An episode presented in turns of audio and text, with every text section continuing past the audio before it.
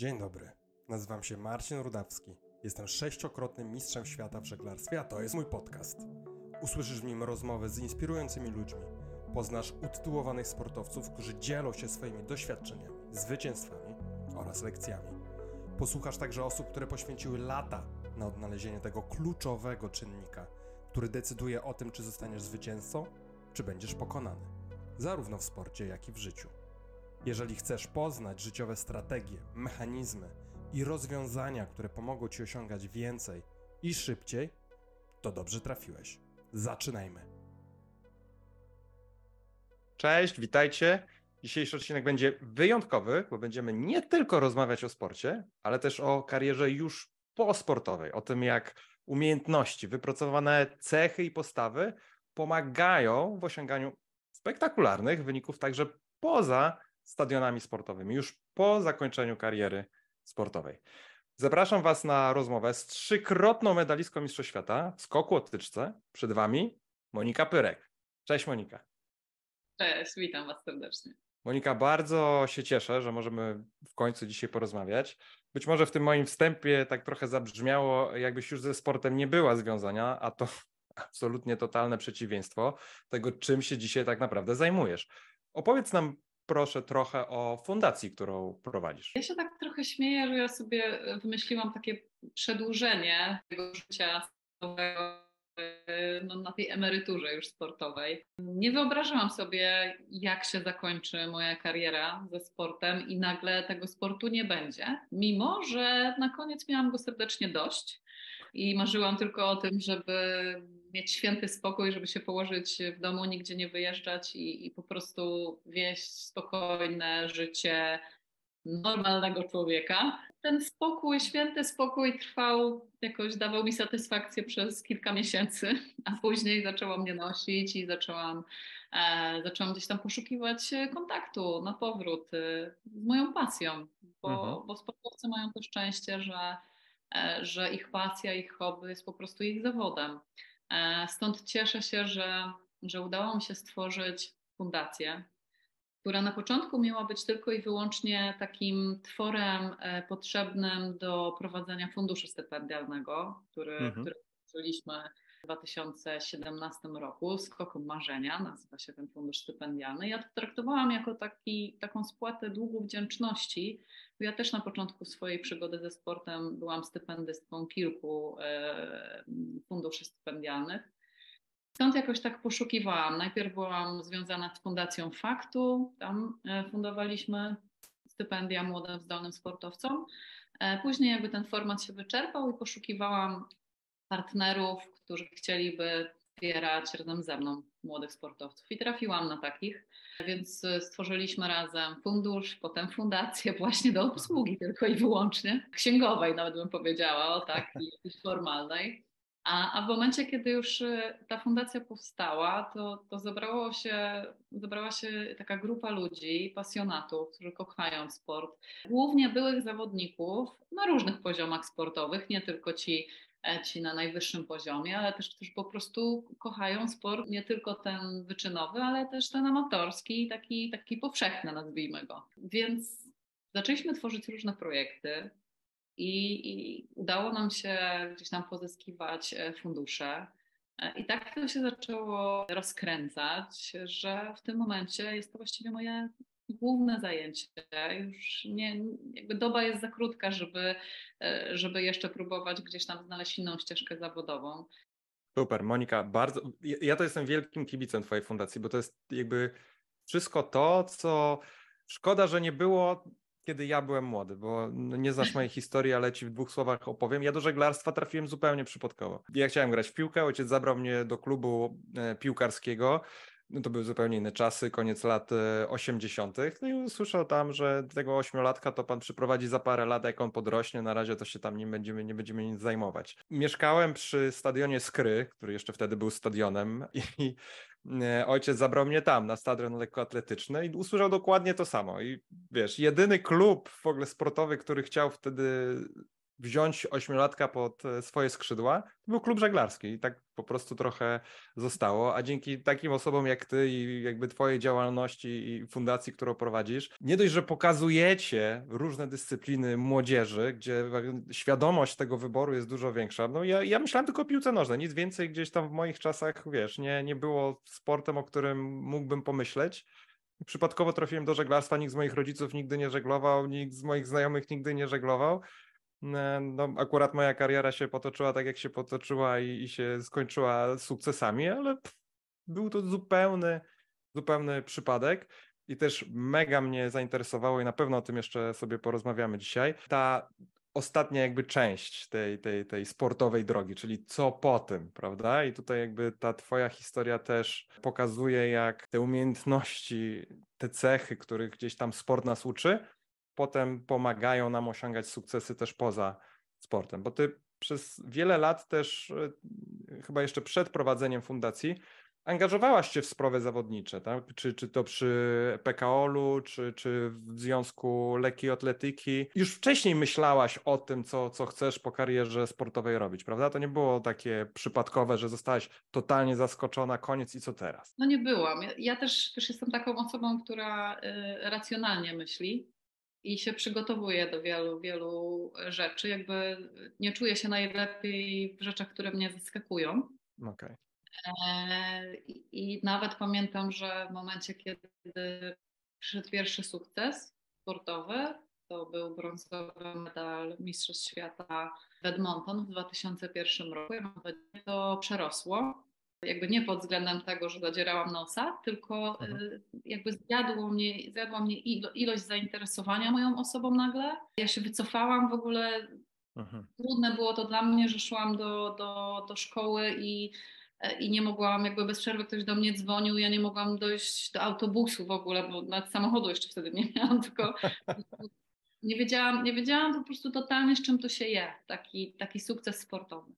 Nikt mnie na to nie przygotował e, mhm. i powiem szczerze, że, że dopiero później po latach, jak zaczęłam współpracować z psychologiem sportu, to on mnie też e, przygotowywał do, na wypadek, gdyby, bo mhm. znał moją historię, jak to, jak to wyglądało, jak mnie to zamknęło i ograniczyło w kolejnych latach. I dopiero jakby kazał mi też sobie na przykład wizualizować moment sukcesu, co się może, żeby mnie też nic nie, nie, nie zaskoczyło, żebym się nie mhm. czuła tym krępowana, żebym się nie czuła z tym źle, tylko żebym wiedziała, co zrobić, żebym się oswoiła też z tą myślą, bo czasem jest tak, że masz piękne marzenia, piękne wyzwania, stawiasz przed sobą, ale jak one się wydarzą, to po prostu nie wiesz co dalej, tak? Mm-hmm, to też jest mhm. fajne, żeby mm, jeżeli ktoś jest taką osobą jak ja, to żeby e, próbował przejść najpierw to w głowie. Także wracając do Twojego pytania, ja lubiłam się angażować, ja lubiłam po prostu wiedzieć. I mój trener często mnie karcił za to na przykład, że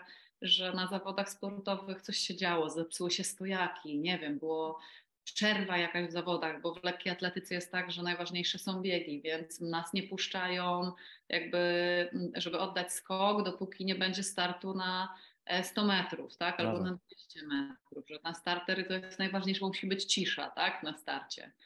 E, i broń Boże ktoś ci zaklaszcze, tak, w konkurencji technicznej, tak, bo to przeszkadza. W drugą stronę to nie działa niestety, że jak ty jeśli ktoś tam wystrzeli albo coś, to tutaj już nie.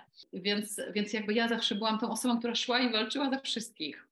I też się później karciłam, mówię, weź przestań, w ogóle musisz się sobą zająć, a nie tam mhm. naprawiać świat i go polepszać. No ale jakoś to, to była moja natura i zawsze chciałam jakoś, no ciągnęło mnie do tego, stąd pewnie te wszystkie komisje zawodnicze, ale myślę, że też stąd, no, żeby dostać się do komisji zawodniczej Europejskiego Stowarzyszenia czy Światowej Federacji, musisz zostać wybranym spośród iluś, mm, e, iluś kandydatów. Więc no, ta moja walka była zauważalna przez moich kolegów i koleżanki, więc to też, to też było miłe i, i pokazywało, że warto iść w tę stronę. Mhm. Stąd później naturalnie komisja zawodnicza w PKOL-u, też zarząd, zarząd PKOL-u właśnie z ramienia komisji zawodniczej, start też do, do komisji zawodniczej MKOL-u, tam się nie, nie udało. E, aczkolwiek bardzo się cieszę, że Maja Włoszczowska się w tym roku, mhm. e, w poprzednim roku została e, członkinią MKOL-u, właśnie z ramienia Komisji Zawodniczej. E, I chyba mogę to powiedzieć, bo ona też o tym mówi. E, jak dostała propozycję startu, to zadzwoniła do mnie i się pytała, czy mu to zrobić. I ja byłam święcie przekonana, że ona powinna to zrobić. I ją e, namawiałam bardzo do tego ze względu, no to jest też troszkę polityka. I w moim przypadku ja jestem z bardzo dużej dyscypliny i to oznacza, że jest bardzo dużo kandydatów z tej dyscypliny. Tak też było w moim przypadku. Lekkoatletów było sześcioro. Ja miałam chyba trzeci wynik, więc to i tak było bardzo fajnie, zwłaszcza, że to było już 4 lata po tym, jak ja nie, nie startowałam już. Gdyby zgłoszono mnie 4 lata wcześniej, to myślę, że miałabym zdecydowanie Ach, większe no tak. szanse, bo tam jeszcze Mhm. wszyscy mnie pamiętali. A Tak. później te 4 lata w sporcie, to dobrze wiesz, że to się mogą pokolenia z dwa nawet Prawda, zmienić, tak się jest. śmieję czasem, bo naprawdę jest, jest po prostu wśród kadry, tak, na zawodach się naprawdę bardzo dużo zmienia. I, I jakby też tak po moich doświadczeniach i widząc też zaangażowanie Mai e, w Unię Kolarską, chyba to się tak Mhm. nazywało u nich, w ich sprawy zawodnicze, to byłam po prostu pewna, że ona, e, że ona ma bardzo duże szanse. I cieszę się, że to się udało, bo no, mamy przedstawiciela i to z, z Mhm. ramienia zawodników najwyższej władzy, władzy, władzy światowej. Tak. Z Mają też rozmawiałem jakiś czas temu i ona miała no, to wielkie szczęście, że na igrzyskach e, zimowych rozdawała medale Polakom, więc to w ogóle było fajne, fajne dla niej doświadczenie. Ale też mówi, że, że bardzo się w tym realizuje, że to jest takie no, trochę powołanie, że jesteś w takiej właśnie organizacji, jesteś w stanie pomagać. E, też sobie to bardzo ceniła.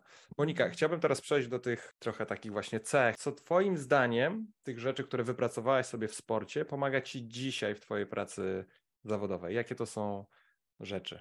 Od razu jako pierwsze przychodzi mi coś, co jest z jednej strony bardzo pozytywną cechą, z drugiej strony jest zmorą sportowców, Mhm. czyli taki perfekcjonizm. Takie dążenie do zrealizowania planu ponad 100%, wkładania ponad 100%, tak Mhm. e, dawania z siebie, bo też ty dobrze wiesz, każdy sportowiec dobrze wie, że żeby osiągnąć sukces, no to nie da się czegoś zrobić na pół gwizdka, albo Mhm. na 80%, tylko musisz dać siebie wszystko, a czasem jakby nawet wydaje ci się, że już więcej nie możesz, a i tak wyciskasz z siebie więcej. Mhm. Stąd też no ja, nie, ja nie potrafię inaczej, więc e, jak realizujemy jakiś projekt, no to po prostu staram się dać siebie wszystko.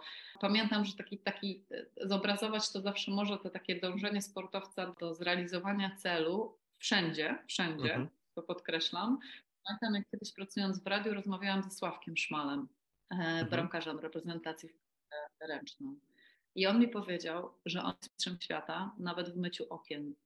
Patyczkiem do uszu, z kącika, wszystko czyści. Więc to jest właśnie Wyobrażam obrazek tego, jak, jak e, sportowiec po prostu dąży do realizacji jakiegokolwiek celu. Co prawda. Tylko mm, jeszcze mm, nie wejdę Ci w słowo, bo, bo No. wydaje mi się, że musimy to podkreślić. Ty Może jesteś za skromna, żeby, żeby o tym powiedzieć, bo ten perfekcjonizm jest skuteczny wtedy, kiedy jest poparty jeszcze umiejętnością ciężkiej pracy. Bo dla wielu osób perfekcjonizm pozwala być takim trochę wytrychem do tego, że mm, nie, nie uda się tego zrobić tak dobrze, jakbym chciał, chciała, więc może nie będę się za to zabierała.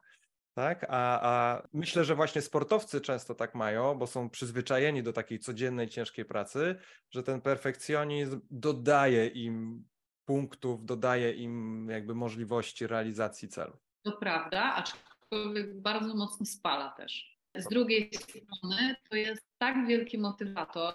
My jesteśmy nauczeni tego, że mamy bardzo duże cele. I Mhm. ten perfekcjonizm też nas popycha do realizacji.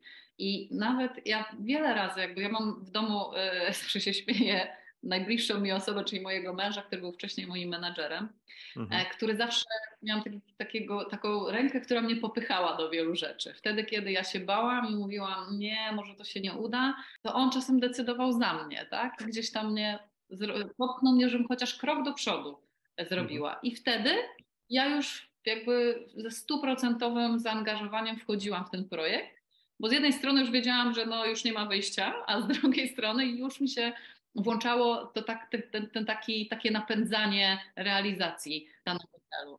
I tak jest właściwie każdym projektem, który, który robimy. Też no, z tego powodu cierpię trochę na brak asertywności, chociaż zaczynam ją wypracowywać, ale, Dobrze, ale przydaje się.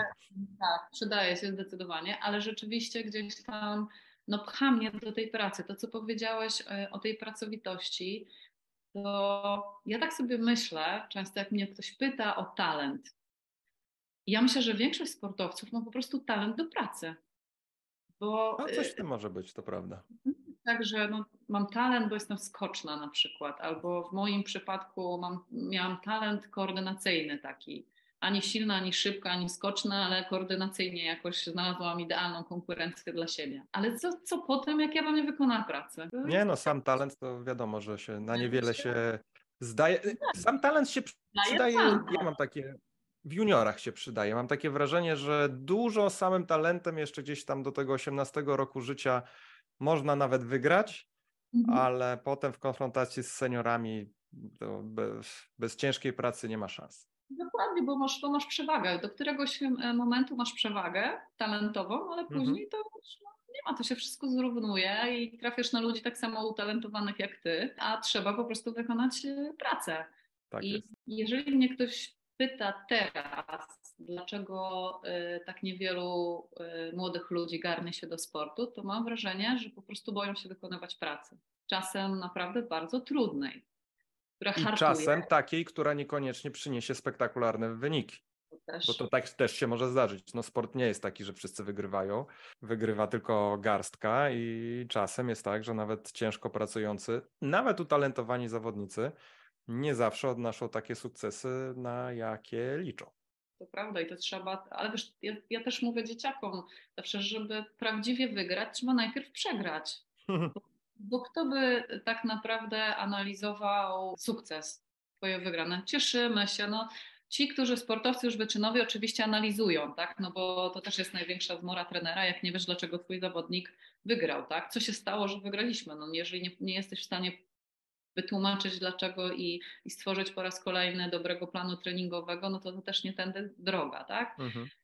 A z kolei porażkę się analizuje i to tak dogłębnie, tak? Bardzo, bardzo, bardzo mocno się analizuje i to, i to każdy z nas, każdy, który jest w otoczeniu sportowca to robi, no bo, no po prostu Bo jest ich więcej niż zwycięstw po prostu.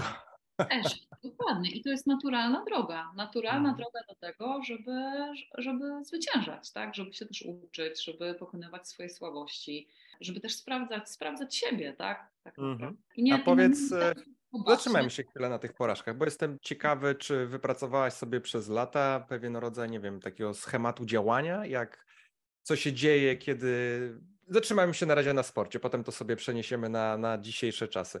Czy, czy za Twoich czasów jeszcze kariery zawodniczej miałaś jakiś system działania, co zrobić? Pracowałaś z psychologiem, z trenerem, więc podejrzewam, że dużo sobie poukładałaś przez te lata. Jak sobie poradzić z taką porażką? Jakiś taki, wiesz, trochę w punktach, jak to u Ciebie wyglądało? Przede wszystkim za późno zaczęłam pracować z psychologiem.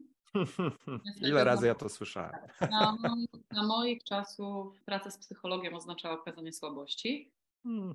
jest totalną bzdurą. I praca z psychologiem jakby było takie przeświadczenie, myślę, że w dalszym ciągu niestety tak jest, że się wydaje, że w pracy z psychologiem ty masz rozmawiać na temat swoich bardzo trudnych przeżyć z dzieciństwa na przykład, jakby mam wrażenie, że, że się myśli o tym, że, że to jest taka bardziej psychoterapia, tak? Mhm, Aniżeli wsparcie funkcjonowania w sporcie. Tak. Ja żałuję, że nie nauczyłam się tylu technik relaksacyjnych wcześniej. Nie nauczyłam się, że na przykład sen jest y, bardzo ważny, że ta regeneracja podczas snu jest tak naprawdę najważniejsza. I za późno, za późno y, te wszystkie informacje do mnie, do mnie przyszły. Czyli to jest po pierwsze, wcześnie zacząć, ale nie, właśnie nie chodzi o to, żeby to była, to była psychoterapia, tylko żeby to było po prostu wypracowanie technik, które pozwalają ci się zrelaksować, które no sportowcy pracują 24 godziny na dobę tak naprawdę, tak? Jesteś non-stop w pracy. I to jest trudne do wytrzymania. Bez względu na jakim poziomie sportowym jesteś, to jest naprawdę bardzo trudne. Więc trzeba się nauczyć po prostu odpoczywać, zapominać. Wiesz co, ja miałam Pamiętam, że miałam taką historię w trakcie Igrzysk Olimpijskich w Atenach, kiedy byłam czwarta i naprawdę poświęciłam wiele, żeby przygotować się do tego e, do tego startu. I włącznie z tym, że kończyłam, w tym roku miałam bronić pracy magisterskiej, Mhm. ale powiedziałam, że nie, że nie chcę mieć żadnego przeszkadzacza, tylko chcę się skupić e, dokładnie na medalu olimpijskim, bo wtedy byłam faworytką, miałam jakby pełne prawo myślenia o tym, żeby stanąć na Mhm. podium. I e, wiesz co, i nawet zdecydowałam się, zaryzykowałam, bo, e, bo studia się kończyły, wtedy jakby zmieniał się t- tryb studiów. Ja miałam 4,5 roku, a kolejnym już rocznik miał 5 lat. Więc ja nawet Okej. zaryzykowałam tym, że ja rok dłużej będę musiała studiować, tak? Po fakcie na szczęście uczelnia mi poszła na rękę i po prostu w takiej indywidualnej organizacji studiów skończyłam już tak, jak powinnam e, skończyć, bez różnic programowych. Więc tutaj Uniwersytet Gdański, Wydział Prawa i Administracji bardzo dziękuję za to. także, także e, to było super, ale wiesz co, i mi nie wyszło wtedy, ja byłam czwarta. A w kolejnym roku, kiedy kończyłam studia i miałam głowę też gdzieś indziej, Mhm. zdobyłam srebrny medal Mistrzostw Świata w bardzo trudnych warunkach. I to mi, dało, to mi dało do myślenia, że ja po prostu potrzebuję takiej odskoczni. Więc to jest też ważne, żeby nauczyć się tego właśnie w pracy z psychologiem. Sposób tak naprawdę, no jako kobieta to beksa na początku. I to mi No pomagało. to wiele osób musi odreagować tuż po, To tak? Kwestia tego, jak długo. wyrzucić, Tak, Mhm. wyrzucić ten natłok emocji. Tego chyba najczęściej wypowiedziane moje słowo, trener się zawsze ze mnie śmiał. Najczęściej co od ciebie słyszę, to mam tego dość. Więc wyrzucić tego dość szybko, po prostu z siebie, wykrzyczeć czasem i dać sobie po prostu czas na, no, na taką żałobę trochę, tak? No Mhm. bo dążyłeś do tego, co się nie udało, tak? I, i... A czekałaś z tym do momentu, aż czułaś się z tym komfortowo, czy raczej okej, daję sobie, nie wiem, 24-48 godzin na to, żeby być w żałobie, w cudzysłowie? Jak to u ciebie wyglądało? Raczej było to, był to krótszy czas, jakby w sensie nie, nie Okej. że tygodniami, ale tak Mhm. jak mówisz, dzień, dwa, żeby po prostu to wyrzucić, żeby tych emocji nie było, bo też nie ma co analizować tego wszystkiego, jak są emocje, tak? To Mhm. O tak, to prawda, to nie, to musi być szukać zimna winnych. głowa. Mhm. zaczynasz szukać winnych poza sobą, tak? I Mhm. to jest, to jest niedobry sposób w sporcie, zwłaszcza nawet jak jesteś przecież w sporcie indywidualnym, to masz dookoła e, mnóstwo ludzi, którzy są z tobą, tak? A ty po prostu zaczynasz szukać winnego i to nie są, to, to nie tworzy żadnych dobrych relacji później, tak? Mhm. Mhm. Atmosfera po prostu jest zagęszczona i nie ma po co tego robić. I dopiero później zacząć analizować, zacząć rozmawiać e, na spokoju, bo to są emocje nie tylko twoje, ale twojego trenera również, tak? No bo to on na- najchętniej to by w moim przypadku wszedł na skocznie i skoczył za mnie, tak? To, to też są takie emocje po drugiej stronie. My sobie jako zawodnicy często tego mm, e, jakby nie zdajemy sobie z tego sprawy, no bo tak naprawdę trener nie może nic zrobić, może ciebie tylko wspierać. Wszystko jest na Mhm. twoich e, barkach, a on naprawdę chciałby ci pomóc. No bo też twój sukces jest jego sukcesem. Więc e, rzeczywiście ja na początku wiesz, w ogóle wstydziłam się swoich emocji. Nie Hmm. potrafiłam ich powstrzymywać. Płaczu na przykład, takiego totalnego rozczarowania się stało. I, I bardzo się tego jeszcze wstydziłam, więc, więc to, to w ogóle potęgowało ten, ten, ten mój smutek. I oczywiście nie chodzi o to, żeby być jakąś drama queen, tak, i krzyczeć na jeszcze nie schodząc ze skoku i, i, i lamentować i rozpaczać, ale rzeczywiście, żeby dać, dać sobie chwilę właśnie zapomnienia. Też tu jest ważna rola tych najbliższych ludzi i zwłaszcza w wychowaniu dzieci, ja to, to, to widzę, żeby po prostu być obok. Nie musisz Mhm. zadawać pytań, tak? Jakby no wszyscy wiedzą, co się stało, tak? Nie, nie, nie musisz od razu mówić, że będzie dobrze, no, albo nic się nie stało. No to są najgorsze słowa, które, które może usłyszeć, mimo że my chcemy dobrze, tak? Tak. Ale no, człowiek, któremu nie wyszło, którego ambicje właśnie poszły na marne, gdzieś tam w kąt, zostały złamane, to on nie może usłyszeć, że nic się nie stało, albo następnym razem będzie lepiej. No, no to ciężko przejść przez to, więc wtedy to jest ten jeszcze rozrusznik emocji, który Mhm. może, może jeszcze spowodować wybuch kolejny. Więc po prostu być, po prostu być, przytulić, powiedzieć rozumiem, rozumiem i tyle. Poza E, i- bo rozumiem, że to tak no, najbliższa rodzina wtedy jest bardzo potrzebna. Rozumiem, że no, trener, na jakimś etapie Twojej kariery psycholog sportowy, czy w tych gronie osób, z którymi właśnie rozmawiałaś, analizowałaś sytuację niepowodzeń, jeszcze jakieś osoby się znajdowało? Ja miałam to szczęście, że miałam bardzo zaangażowanego prezesa klubu, takiego bardzo empatycznego, który mm, tak się śmieje, że był moim szczecińskim ojcem, bo jestem z Gdyni generalnie i w wieku 22 lat tutaj przyprowadziłam się za moim trenerem i już zostałam w Szczecinie. I to on był taką osobą, która potrafiła właśnie tak racjonalnie myśleć na ten temat.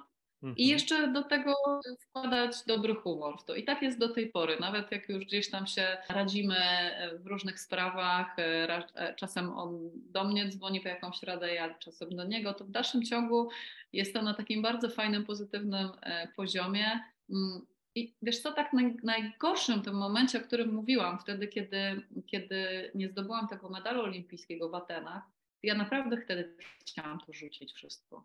I hmm to dla mnie było tak niepojęte, że mi nie wyszło, tak tego nie rozumiałam, że stwierdziłam, że to nie jest moja droga. Okay. Że, że najwidoczniej, skoro mi to tu nie było dane, wiesz, jeszcze to było, jakby potęgowało to, że ja miałam naprawdę nie farta, bo e, nie byłam w stanie w ogóle obejrzeć swoich skoków, chyba dwa lata po igrzyskach dopiero je obejrzałam. I do tej pory no, ja nie jestem w stanie powiedzieć, czym potrąciłam poprzeczkę, że ona spadła w tym decydującym momencie. Więc jakby to rozgoryczenie było no, jeszcze większe. I naprawdę jeszcze te studia, tak, to wszystko, że to poświęciłam, ja, to, to był taki cios, że właśnie pan Paweł, mój, mój, mój prezes mojego klubu, mój mąż i mój trener i moja mama i mój tata, mimo że już byłam dorosłą osobą, wykonali naprawdę olbrzymią pracę, żeby mnie przekonać, że spróbowała jeszcze raz. I to są jakby, to, to, to, to były najważniejsze decyzje, jakby i dyskusje, i decyzje nasze wspólne w życiu.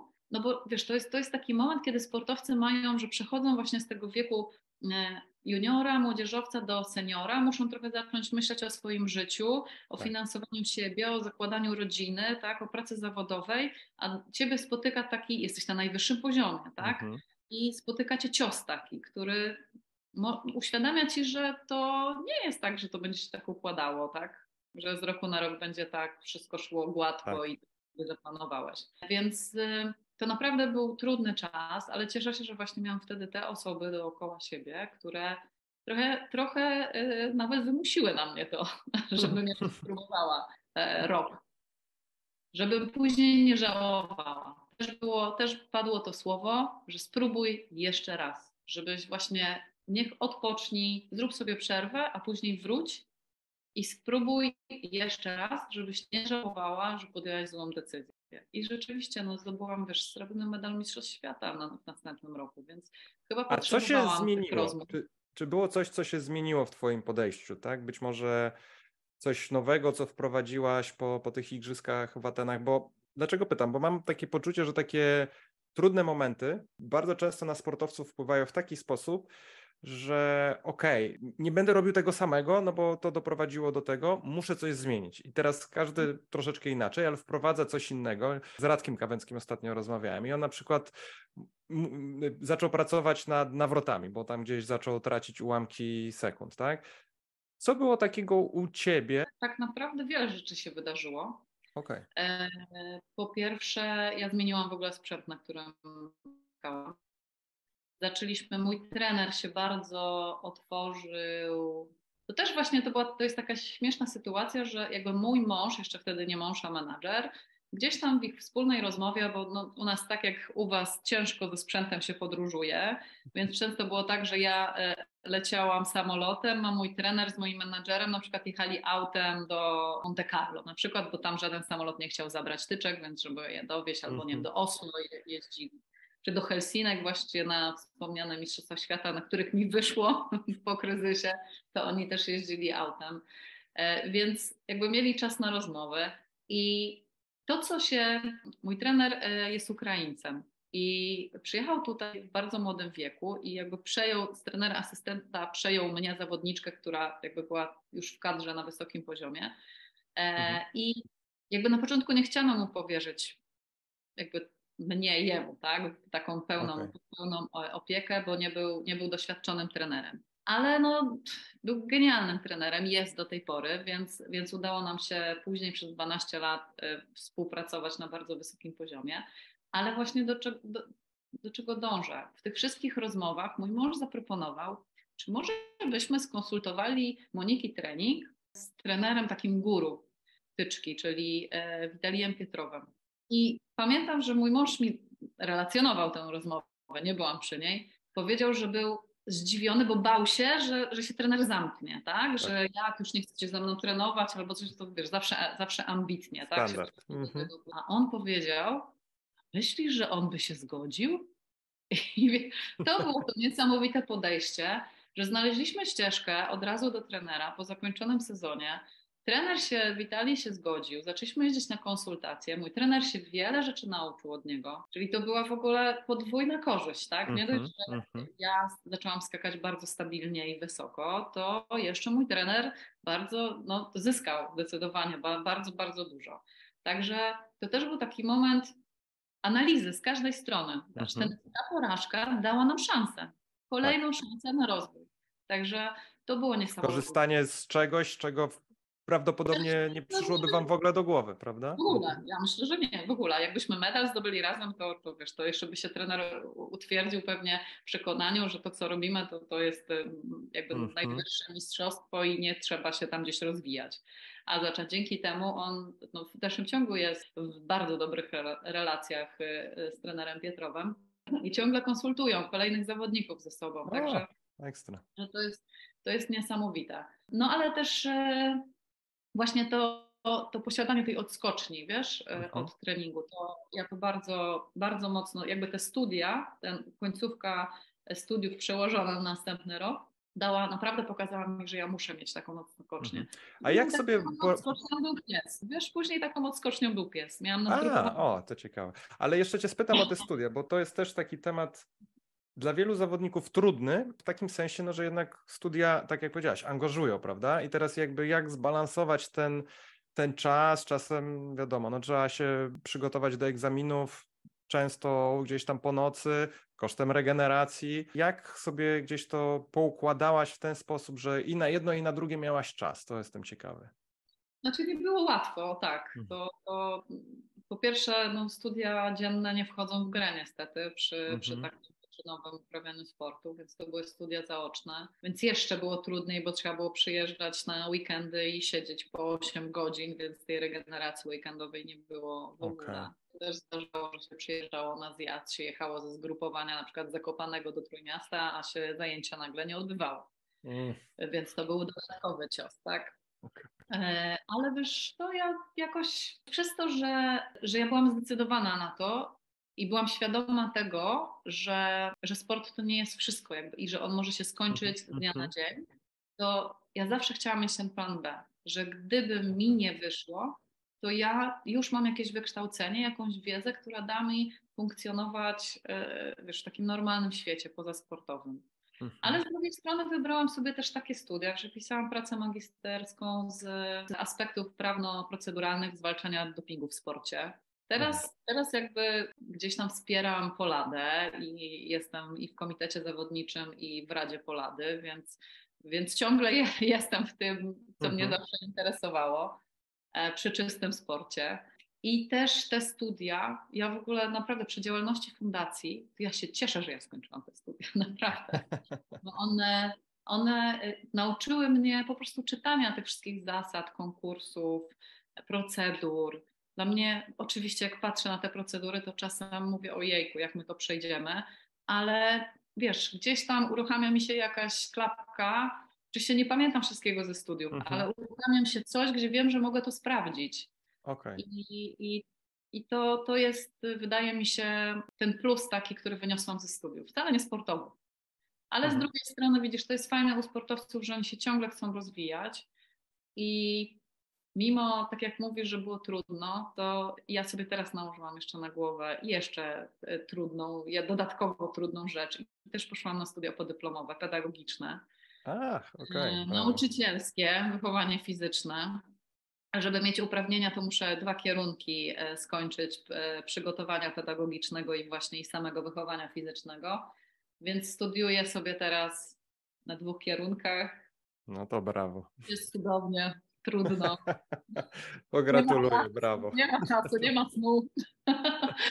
ale, ale to jest tak, że ja nie będę już nauczycielem WF-u, ale ja mam wrażenie, że mi te studia pomogą w jakby w odkryciu kolejnych rzeczy, które mogę zrobić w fundacji. Ale tyle fajnych rzeczy poruszyłaś. Już nie wspomnę o tym, że mówiliśmy dużo o tych porażkach, które tak bardzo są potrzebne w sporcie, żeby się rozwinąć. Powiedzieliśmy o tym, jak potrzeba rozwoju w ogóle jest niezbędna w sporcie. Jak często sportowiec gdzieś tam się zamyka w swoim, na swoim torze w cudzysłowie, tak? Robię tylko to, co tam, nie wiem, na karteczce trener przysłał i nie myślę o tym, po co, co jeszcze ewentualnie można byłoby zrobić.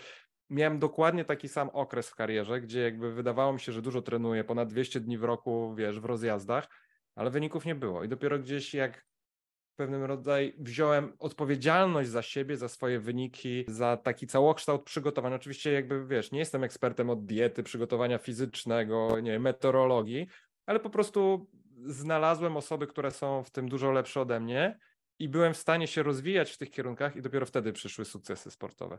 I trochę dokładnie ta, ta to pokazuje, że ta ciekawość, ta o której ty mówisz, że jesteś otwarta na nowe rzeczy, chcesz się uczyć, to są takie cechy niezbędne do tego, żeby osiągnąć sukces w sporcie, no i też później w życiu zawodowym. Też dają Chcę spytać... Mhm. Wiesz, dają ci przepustkę też, tylko, do, tak. tylko jeszcze do, dopowiem. Gdzieś przy okazji naszej konferencji e, dotyczącej zdrowości kariery sportowej, Marcin mhm. Urbaś powiedział taką rzecz, że jego trener generalnie go nie lubił za to, że on dopytywał, że był taki wścibski, a jemu to tyle dało, Mhm. Może nie w samym trenowaniu, ale teraz, jak jest, sam prowadzi swoją akademię e, i on po prostu naturalnie zdobywał taką praktykę. Mhm. I to mhm. jest fajne też, żeby patrzeć pod tym względem, że to no, ja 18 lat trenowałam pod okiem pięciu wybitnych trenerów klasy światowej. Codziennie przez 18 lat zdobyłam praktyczną wiedzę. Może ja nie tak. znam nomenklatury, tak, jak to, co się nazywa po profesorsku, tak nazwijmy, -hmm. tak, -hmm. ale, ale generalnie czuję to. I to jest fajne, że, że dopytując, nie robiąc czegoś e, tylko tak, jak jest na karteczce, no to też zdobywamy, rozwijamy siebie po prostu. Tak.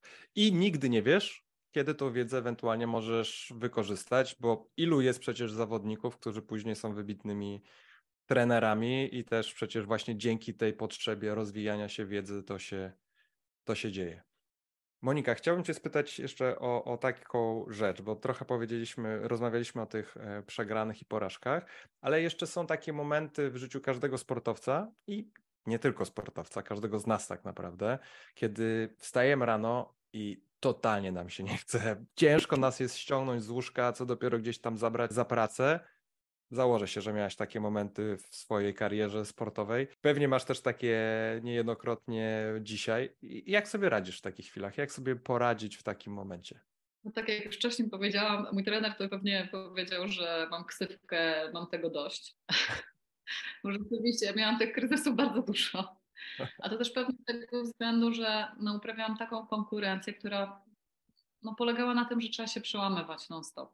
Mhm. I oddasz, nie da się oddać skoku łotyczce na 50%, bo łotyczka cię po mm. prostu zrzuci na ziemię i to skutek będzie fatalny po prostu i bolesny, to co gorsze. Więc no tak. ja takich kryzysów, kryzysów miałam bardzo dużo. Mm, miałam też, z jednej strony to traktuję jako najwyższą moją wygraną, bo ja miałam lęk wysokości, ja skakałam o tyczce o, to o tym nie miałem bladego pojęcia, super. Się udało się to wszystko oswoić, tak? I to tylko pracą, tak? Codzienną pracą nad tym. Jakby ten, ten lęk się jeszcze nawarstwiał i miałam więcej lat, bo miałam więcej świadomości, oczywiście bardziej głowa pracuje. Rzeczywiście ja uważam, że, że to jest, tak jak sobie myślę w jakichś kryzysowych sytuacjach, to zawsze sobie myślę, ej, skakałeś z lękiem wysokości, tak? Więc weź, panikuj, tak? Dasz radę. Bo rzeczywiście to jest dla mnie dowód na to, że że mimo naszych ograniczeń, to jednak możemy zrobić coś, co pozwoli nam je przeskoczyć w moim, Mhm. jakby w mojej nomenklaturze. Tak. Ja po prostu próbowałam, wstawałam. Mhm. Nawet Ale jeżeli... rozumiem, że przypominałaś sobie po prostu te dobre momenty, tak? W momentach jakiegoś zwątpienia przypominałaś sobie, już to zrobiłam, zrobiłam nawet więcej. To, co, nie wiem, teraz To jest do zrobienia, to jest nic w porównaniu z tym, co już jest za mną. Ja myślę, że warto pamiętać tę radość, która jest Mhm. w trakcie jakiegoś sukcesu i do niej się e, odwoływać. Do Okej. miłych wspomnień, do ludzi, których przeżyłeś razem, jak, jak wiesz, jak, jak cieszyliśmy wspólnie.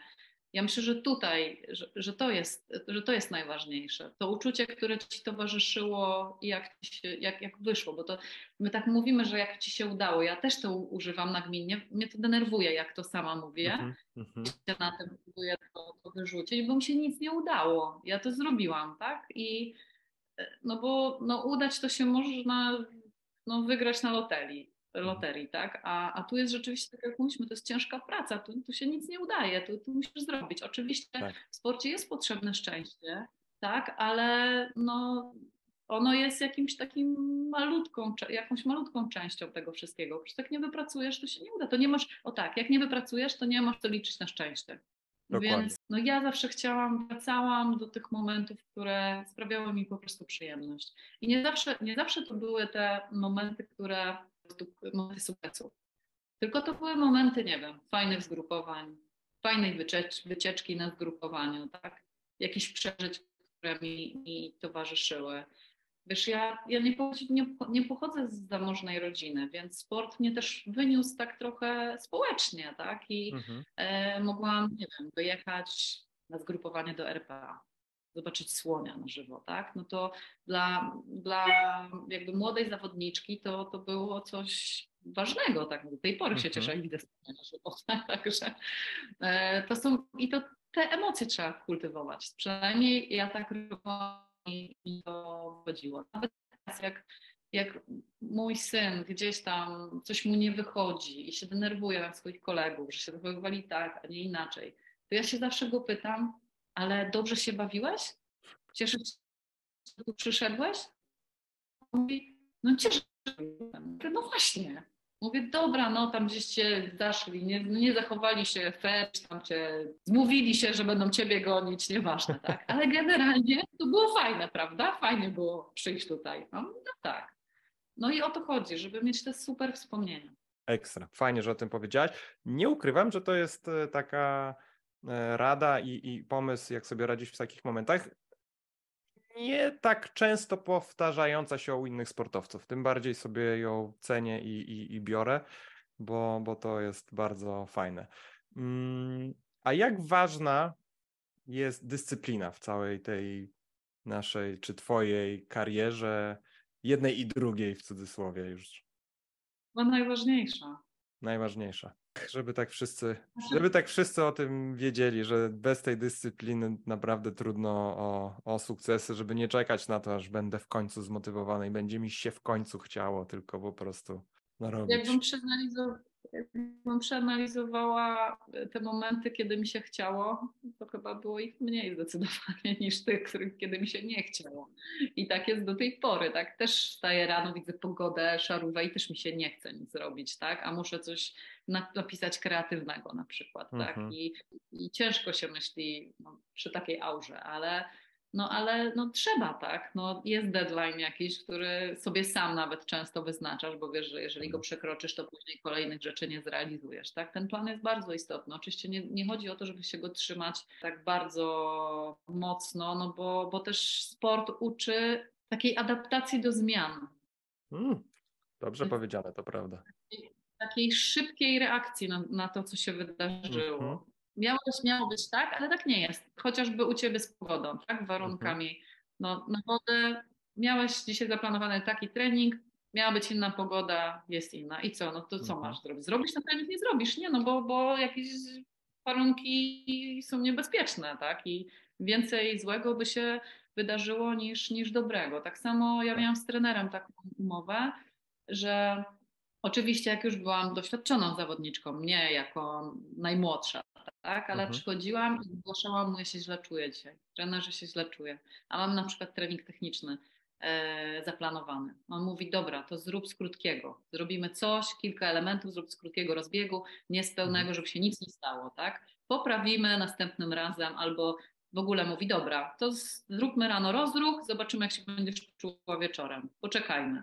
I to jakby fajne jest też taka wyczucie własnego ciała. To jest, to jest, to Mhm. jest też fajne, że, że potrafisz sam zrozumieć, jakby zrozumiałeś przez te lata doświadczeń, że no, że nie za wszelką cenę, tak? To nie chodzi o to, żeby coś robić za wszelką cenę. Oczywiście trzymać się planu, ale ten plan musi być taki no, Tak. możliwy do, do, do zmiany, tak? Bo ja też, ja, ja, ja uważam, że, że to, co jest właśnie fajne u sportowców, że my naprawdę i nawet tych sportowców, którzy nie byli na tym poziomie światowym, ale mieli tę przygodę ze sportem, to to są najlepsi pracownicy. Bo po Mhm. pierwsze wiedzą, mają ambicje, wiedzą, jak sobie wyznaczać cel, Tak. wiedzą, jak do niego dążyć i potrafią się właśnie dostosować do zmian. I, Tak i, i pracują też w zespole, tak? Bo nawet jak jesteś ze sportu indywidualnego, to, to wiesz, że no nic nie zrobisz sam, tak? Więc, więc to jest fajne, że taki niezrealizowany sportowiec jest jeszcze lepszym pracownikiem niż zrealizowany sportowiec. A to super, że o tym powiedziałaś, ale ta, ja mam podobne bardzo e, doświadczenia i też widzę, że naprawdę wystarczyło trochę sportu gdzieś tam w młodzieńczych latach, żeby człowiek zupełnie inaczej do wielu rzeczy podchodził. To prawda, tak.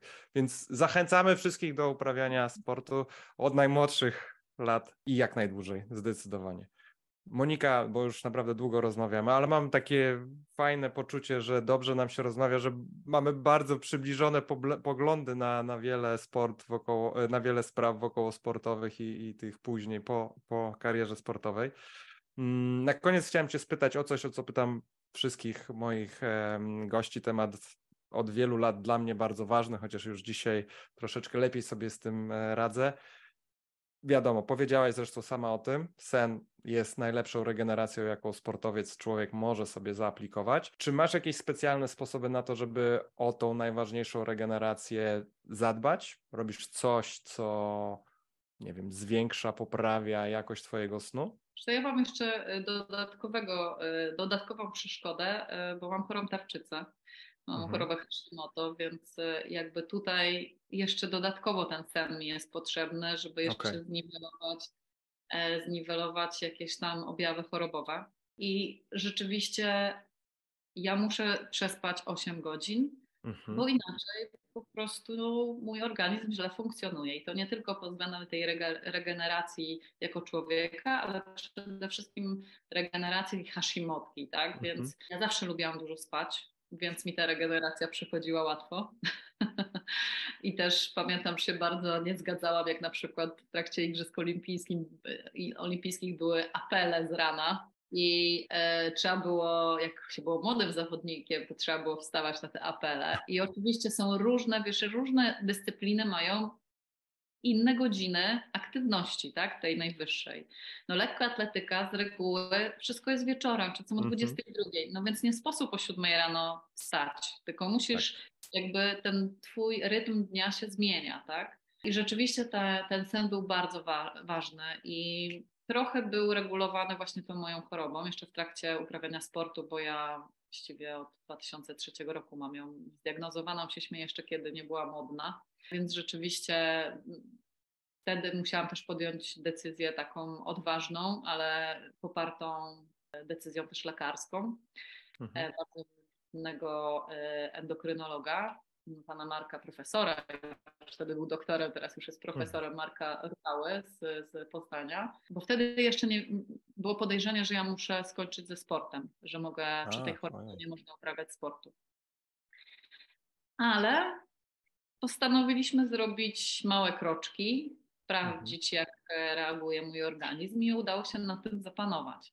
Więc przez większość właściwie dorosłej kariery no, musiałam bardziej zdecydowanie dbać o tą regenerację.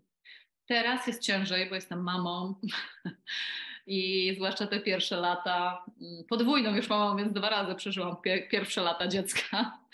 Także y, no to priorytety się zmieniają i też zmienia ci się zegar snu, więc tak. y, to było bardzo duże bardzo duże wyzwanie, ale ja im jest, no niestety, im jestem starsza, tym bardziej czuję skutki e, braku snu. Mhm, I, tak. I czuję po prostu zmęczenie, czuję w ogóle spowolnienie myśli, Mhm. spowolnienie koncentracji.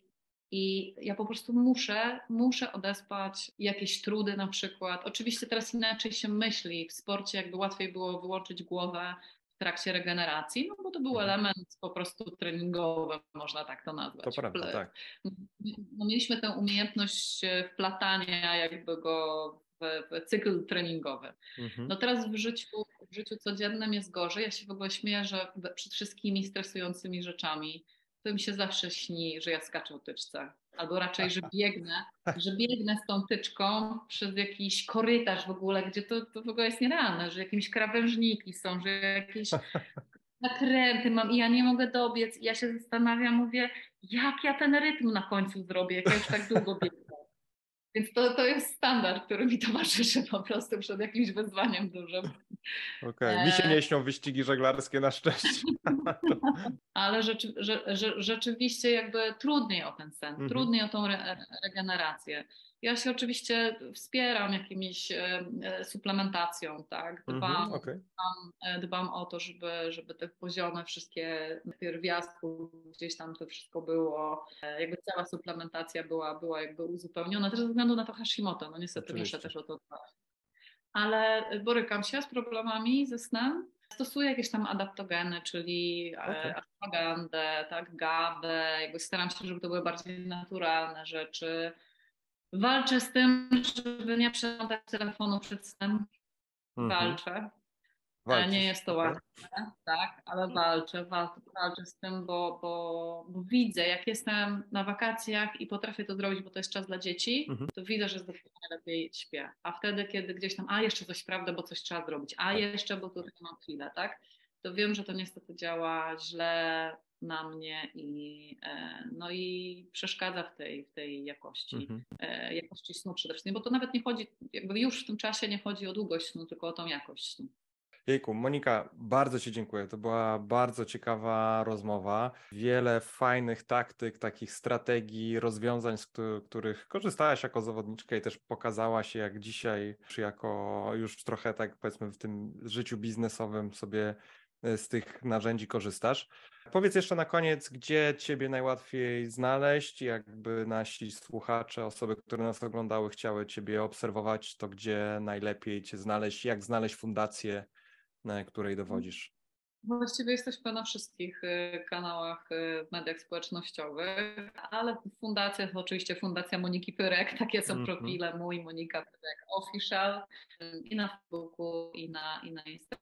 Jesteśmy obecni jeszcze na Twitterze, ale przede wszystkim zapraszam na alternatywne lekcje wfu.pl, bo tam jest najwięcej wiedzy dotyczącej właśnie tego, jak sport może pozytywnie wpłynąć na, na nasze życie i na życie naszych dzieci, jak łączy, jak buduje relacje też, bo to jest świetne, że, że dzięki temu, jak spędzasz dzieckiem sport, możesz widzieć, jak ono reaguje na różne rzeczy i możesz zareagować na rodzic. E, Więc to jest, e, zapraszam, bo naprawdę staramy się tam dostarczać jak najwięcej materiałów, które wspomagają rodziców, nauczycieli. Dzięki temu no, możemy pełniej e, wykorzystywać sport do wychowania dzieci. Wszystkie linki, o których Monika przed chwilą powiedziała, znajdziecie w opisie tego odcinka lub pod filmem. Ja ze swojej strony bardzo, bardzo Wam wszystkim dziękuję. Monika, jeszcze raz wielkie podziękowania za tą rozmowę. No i cóż, Ja też dziękuję, bo bardzo miło mi się rozmawiało. super. Do usłyszenia następnym razem. Cześć. Cześć. Pa. Dziękuję Ci za wysłuchanie tego odcinka podcastu. To wiele dla mnie znaczy. Jeżeli przyniósł Ci on wartość lub zwyczajnie miło spędziłeś czas, prośba o ocenienie i napisanie krótkiej recenzji w aplikacji, której używasz do słuchania podcastów. Z góry bardzo dziękuję i do usłyszenia. Cześć.